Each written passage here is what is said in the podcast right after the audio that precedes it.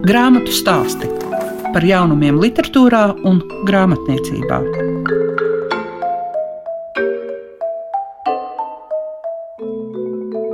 Šīs dienas grāmatu stāstos jūs varēsiet uzzināt par Zigmundu Skuiņu sarakstu ar rakstniekiem un lasītājiem, kurai dodas nosaukums Burti Lido Domas skan. Un šajā reizē jūs raidījumā varēsiet dzirdēt gan rakstnieka meitu Ingu Skuiņu, Zigmunds Skuiņa talanta cienītāju profesori Viju Klušu, Vaidavas pagasta bibliotekāri Ingūnu Dukuri, Anitu Melupi, kas ir šīs grāmatas redaktore, kā arī Eviju Ansonsku, kura rūpējas par to, lai grāmata nonāk pie vairāk lasītājiem. Kopā ar jums Liega Piešiņa. Grāmatu stāsti programmā Klasika. Man liekas, ka Inga man jāsāk ar jūsu stāstījumu par to, kā vispār šī iecerē sākās un kā tā nonāca arī līdz gala rezultātam. Nu, es domāju, ka tas ceļš ir pavisam vienkāršs, jo tāpēc, mēs dzīvojam kopā.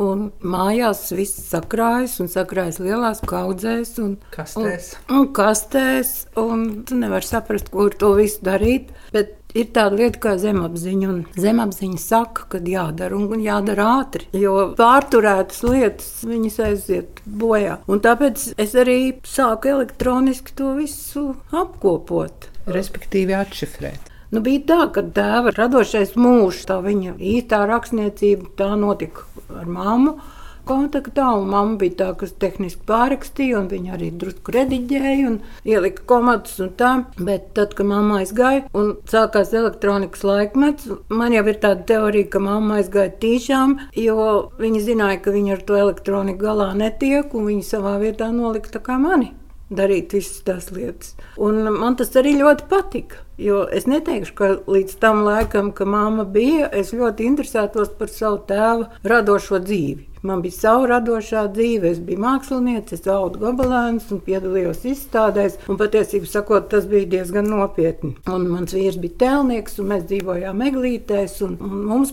pietika, ko darīt. Bet tad, kad tas viss mainījās, tad es sāku iedziļināties tajā, kas tēvs ir un ko viņš ir sarakstījis.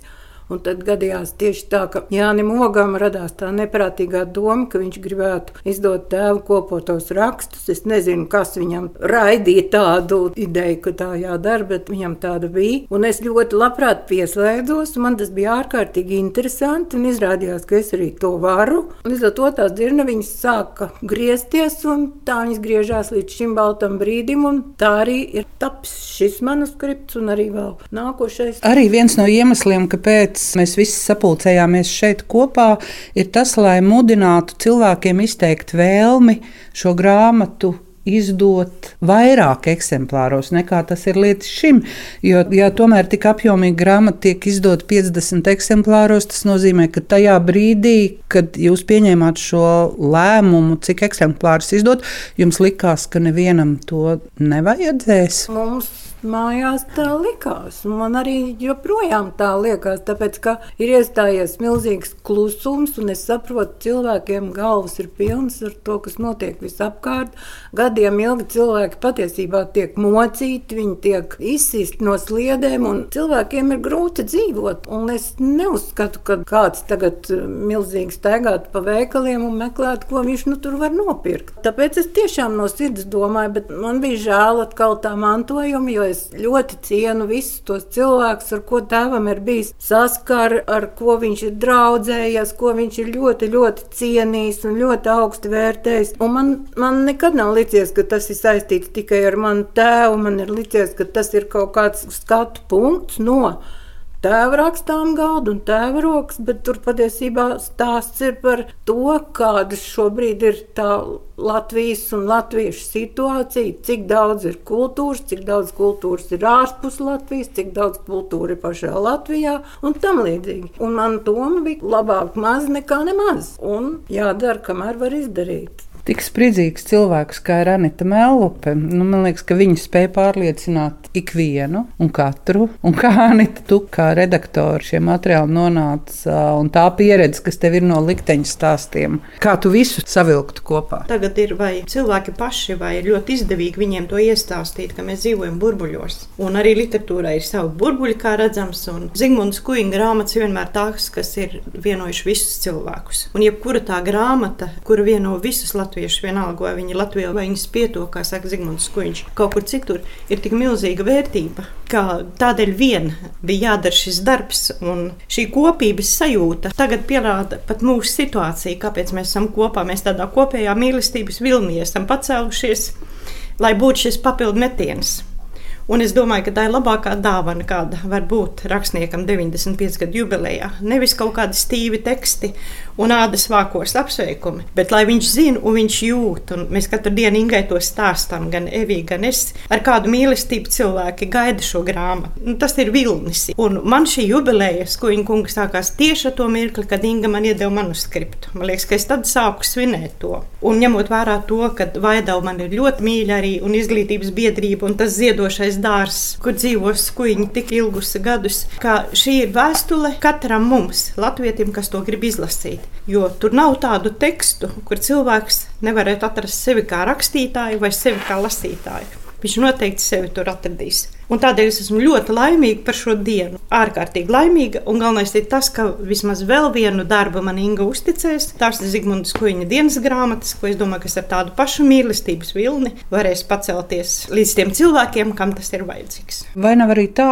ka tas, ka praktiski nekur mēdījos netika pieminēts kuģiņa 95. dzimšanas dienu, nu, tas arī ir kā tāds stimuls parādīt, ka mēs noklusējam ne tās lietas, ko vajadzētu noklusēt. Protams, es tajā dienā klausījos radio un televīziju visās iespējamās vietās, bet ne par to ir stāsts. Patiešām cilvēki tiek sapūsti burbuļos, un viņiem tiek iestāstīts, ka viņiem to nevajag vai neinteresē, vai, vai tikai politika. Mēs dzīvojam tādos reklāmu tekstu un oficiālo tekstu džungļos, un vēl viens otram sūtām tādas mazas vitamīnus. Es SMS. Un tieši tādēļ šī grāmata ir tik svarīga. Te jau citi arī to saka, cik tur ir milzīgs vērtīgs tajā grāmatā. Es neesmu tik pesimistisks. Gribu mazliet Ingai oponēt par tiem 50 eksemplāriem. Jo šis Covid laiks un brīvais laiks parādīja, cik ļoti cilvēki pērk grāmatas. Tas ir neticami, kad izpirka momentā kaut vai Kalnozola kalendārs, mani sauc, izpirka Grosvalds, kas ir tiešām milzīgs, fundamentāls darbs, Želvs brīnišķīgais darbs.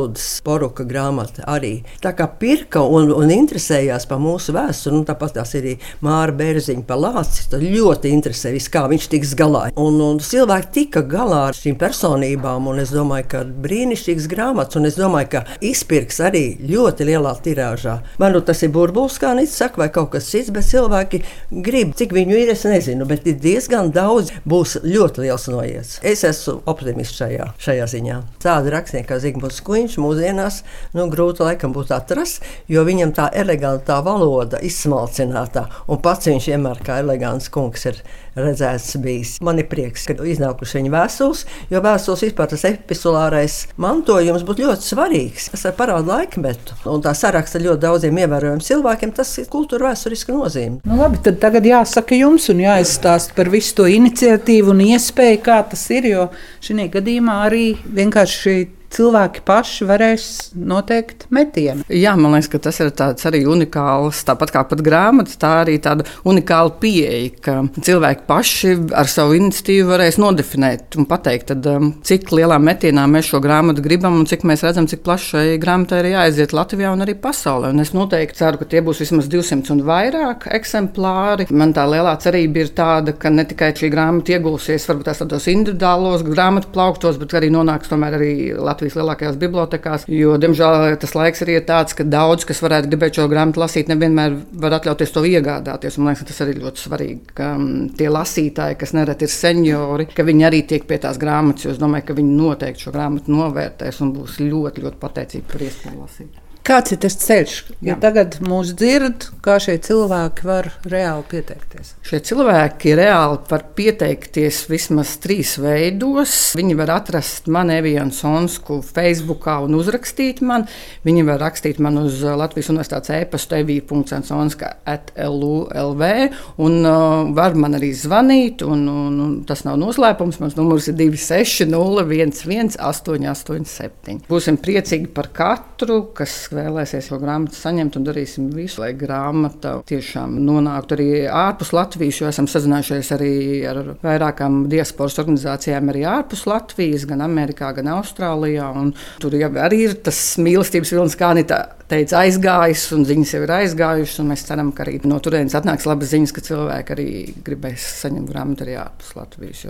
Tur tiešām, es domāju, dzīvo liela, liela daļa Zigmunds Kuņa daļradas cienītāju. Tādu, kam ir vēl tāds papildus sentiments un vēlme iegūt šo grāmatu. Ingūnai tūlīt vajadzēs jau noraksturot šie burti, lido domas skan, bet es jums vēl pajautāšu, kas jums no skuiņa rakstītāja ir tāds, kas nu, vistuvāks sirdī. Es arī par šo domāju. Man liekas, ka vienmēr tā vienkāršākā atbilde būtu atbildēt ar kādu grāmatas nosaukumu. Bet man liekas, tas, arī ir svarīgi pateikt, ka Zigmunds Kuņš ir rakstījis arī filmu scenārijus. Un tad, kad es sāku darbu un gatavoju tekstus priekš grāmatas popularizēšanas, es fonā uzliku Raimonu Paula gabalus no filmas Tauriņdeja un jā, arī vīrietis labākajos gados. Un, jā, un tas man liekas, ka liedeva vēl tādu papildus dimensiju tam, ko viņš ir atstājis, ka tās nav tikai grāmatas, kopotie raksti, šajā gadījumā arī vēstules, bet arī vairāk filmu scenāriju. Cik zīmīgi, ka tajā laikā, kad notiek viss šis hauss un tās briesmīgās lietas Ukrajinā, kad ir iznākuši šādi grāmati, jo man liekas, man Zigmunds, ko viņš ir tā lasām, mīl, ko ir jālasa tad, kad visi ārējie orientieri nojūta. Man liekas, ka šis ir tas brīdis, kad vajag meklēt sevi iekšā un lasīt Zigmunds Kuņu, lai vispār varētu to veselo saprātu, man liekas, šajā dzīvē vēl saglabāt. Cik daudz palika nu, kā mēs sakām, aiz borta. Ļoti daudz, vesels tādas saraksti, tādi kluči, varētu teikt, ar cilvēkiem. Es vienmēr smējos, kad uh, Latvijas pastam vajadzētu ļoti rūpēties par manu tēvu, jo viņš ir noteikti un neapšaubām viens no pašiem lielākajiem klientiem visu mūžu. Un es gribu piebilst, ka tas ir ļoti labs Ingrīdas Burānas teiciens, ka laba ir tā grāmata, ko var izraut vienā naktī cauri. Nu, var izlasīt. Es atkal šo grāmatu mazliet uzlūkoju kā gardēdis, jo man arī tā grāmata jau ir nedēļu, bet uh, varu atzīties, neesmu vēl izlasījusi. Man liekas, ka šī ir tā grāmata tieši tāpēc, ka tā apvieno vēstules, ka tā vēstule katram vienam tādam vakaram tu izlasi, un tad tev ir jāpadomā. Tas nav, ka tu tā kā romānu rauj cauri, un tur ir kaut kāda sižeta līnija, bet katrā tajā vēstulē ir tāda viena pamatīga doma, par kur tu vienkārši ir jāpadomā. Tur ir vienkārši laiks Jā. un laikmets. Es arī domāju, ka tāds labs grāmatas ir jāizgaršo. Un es, es zinu, es pat saviem mazbērniem kādreiz teicu, lasiet blaumanu un izgaršojiet to vārdu, spēli un visu. Un es domāju, ka Zigmunds Kuņģis arī nevarētu izraut vienā naktī. Tomēr es gribētu izgaršot katru vārdu. Man ļoti patīk, protams, Zigmunds Kuņģis citātu, un es nemitīgi bombardēju savus draugus ar citātiem, un vēl tiem, kas nav publicēti, piezīmēju, ka tie vēl nav publicēti. Un tas Zigmunds Kuņģa teiciens, ka, ja cilvēks ir atradis savu rakstnieku, tas nozīmē, ka viņš atradis sevi. Un vēl no tā nepublicētā darba, par kuru mēs sapņojam, ir kolosāls arī skuņa teiciens, ka cilvēks sastāv no, nu, lai būtu 80 un 20% sapņu. Un man liekas, ka šajās vēstulēs ir tik daudz sapņu, un mēs jūtam tos sapņus. Jo to arī saka Zigmunds Kuņš, ka vairāk jau cilvēks dzīvo savā domās un sapņos nekā reālā dzīvē.